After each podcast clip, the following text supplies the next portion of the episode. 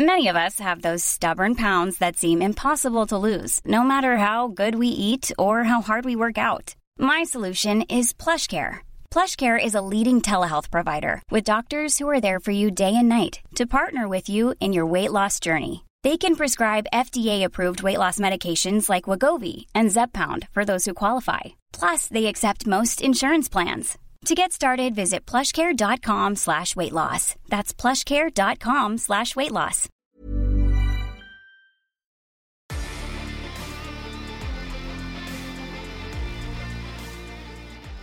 Ja, 23 december är vi framme vid löjtnant. Jajamensan. Dagen före dopparedagen kan vi egentligen säga då. Just precis, den klassiska traditionen att doppa bröd i grytan. Ja, precis. Jag undrar om det är så många som gör det nu för tiden. Jag inbillar mig någonstans att det var för att mjuka upp alldeles för hårt eh, bröd i, i skinkspad. Jag vet inte om det var lunchen man gjorde det eller frukosten möjligen. Kanske, jag vet inte. Ingen aning, jag har aldrig gjort det. Nej, och norrländskt klassiskt så heter det väl blöta tror jag. Ja, kanske. In, faktiskt ingen aning, men det kan du nog göra. Jag tror att det är så. Ja, Mm. och det får man göra. Då får man doppa sitt bröd om man vill. Ja, precis. Det är en tradition som någon, eh, om den nu en- ens lever, men, men den, det heter ju dagen före dopparedagen i alla fall. Ja, det gör det. Mm. Och jag vet att du den här dagen brukar ägna dig åt lite jakt på svårskjutna viltväxande föremål. Berätta! Ja, idag blir det ju julgransskjutning. Mm. Och eh, traditionellt sett så skulle det väl det här ske eh, på julafton.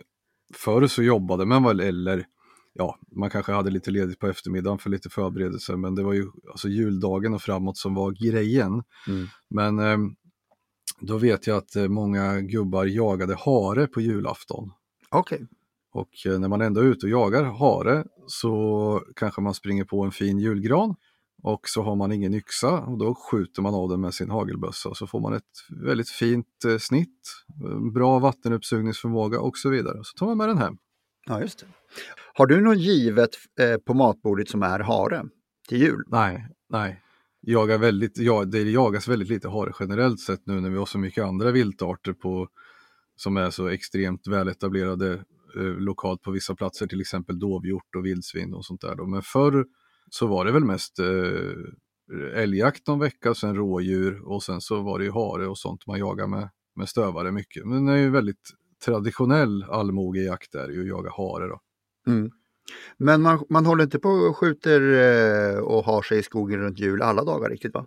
Nej, det är också traditionellt. Det finns ju inga regler som reglerar det här men eh, julafton är väl lite traditionellt harjaktsdag eh, och juldagen ska man helst inte jaga alls. Nej. Eh, Medan annandagen är en väldigt stor jaktdag. Ja, just det. Men, har eh, ni- just, att, ja, men just att jag tar julgranen den 23 det är att det ska vara klart på julafton då så att säga. Ja, just, just. Men det är lite av en vapenvila då som råder. Exakt, rent traditionellt så ska det ju vara julfrid i skogen den 25. Mm, mm. Men som sagt, det finns inga, det finns inga regler för det så, utan det, det är nog, men det är nog väldigt många som avstår för, för eh, jaktlagsfridens skull också. Mm, mm, mm. Du vet om att det var, var en sån här julfred 1914 va? Mm.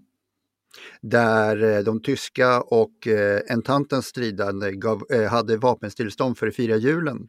Och eh, det var ju bara över den dagen, men eh, det har varit en del sådana här vapenvilor i historien som har varit riktigt långa. Vet du vilken som är den längsta? Nu kända. Mm, Nej, berätta. Jo, det var i Koreakriget 1953 så, hade man, så inledde man ett vapenstillestånd som än idag inte har följts av en fred, alltså inget fredsavtal. Så det är bara en, en vapenvila där.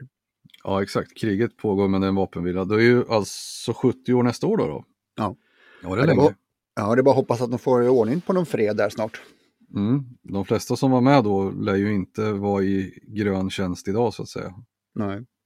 Fast i och för sig, jag har någonstans hört om att, men det, det blir ju inte längre då, men att Japan och eh, Ryssland, Sovjetunionen då, skulle ha skrivit på fredsavtal först 1991 efter andra världskriget.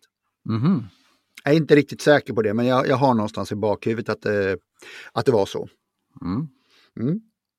Ja. Med vapenvila och sånt så kan vi kanske ta och plocka fram en pilsner. Vad har du den 23 i din ölkalender? Ja, det är dags för luckan. Ja. Och i lucka 23 så hittar vi en eh, Bernard, eller Bernard, beroende Mm. på hur man vill uttala det. Eh, Bohemian Winter Ale. Mm. Det här är en tjeckisk eh, pjäs på 33 centiliter, 8,2 procent, 26,90 på bolaget. Den här har jag haft förr genom åren och det är en bra julöl. Ja, men den där är ju riktigt fin. Den är fin, absolut. Fin etikett också. Ja, det, det gillar du. Systembolaget säger fruktig kryddig smak med liten sötma, inslag av torkade aprikoser, kryddnejlika, pomerans, banankaka, koriander. Eh, nej men den är, den är god, den är god. Men det är inte den absolut bästa, men det är en väldigt bra julöl. Rekommenderas. Ja. Banankaka, vi, vi har ju in, smaken banan förekommer ju rätt ofta som vi har sagt i de här starkare, både belgarna och eh, även i, nu i den här böhmiska, tjeckiska ölen. Det är lite lustigt att när alkoholhalten kommer upp så kommer banansmaken fram. Jag skulle säga att det är ofta är de lite ljusare. Det här är ju en ljus ale, en, en eh, belgisk stil. Eh, så det är ju en, en eh, ja, 8,2. Vi skulle väl kunna säga, nu är det ju inte belgisk, men det skulle kunna vara en trippel. Mm. Och det är ofta tripplarna som vi hittar den här lite banan, skumbananstonerna i. Mm. Mm.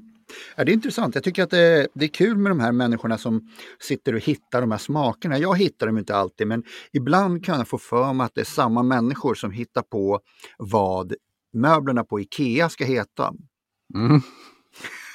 ja. Men jag förstår vad du menar. Men eh, som vi brukar säga, eller jag har sagt det vid något tillfälle, att det är inte fel att läsa det här när man provar. Nej, jag tycker det är kul faktiskt. Intressant. Det är som den gamla klassiska eh, vinsmaken. Det finns ju så mycket konstiga, brända däck är väl en. hur, hur man nu vet vad det är. Men det borde ju vara en doftbeskrivning. Men, ja. Jo men ju duktigare man blir på att eh, hitta smaker och så här, desto roligare är det att, att smaka av först och sen själv skriva ner sina smakupplevelser och sen jämföra med, med eh, proffsmakarnas. mm. Det är intressant. Det är kul. Har vi någon mer eh, liten lucka vi ska öppna idag? Ja, det har vi. Det har vi. Absolut har vi det. 23 december så har vi eh, 1864 då Paraguay anfaller Brasilien, vilket blir inledningen till ett krig som varar ända till eh, 1870. Och sen på svensk, eh, samtidigt då så eh, kom den svenska dagstidningen Dagens Nyheter ut första gången. Mm. Sovjetunionen ockuperar Afghanistans huvudstad Kabul 1979. 1990 så är det en folkomröstning som hålls i Slovenien om självständighet från Jugoslavien.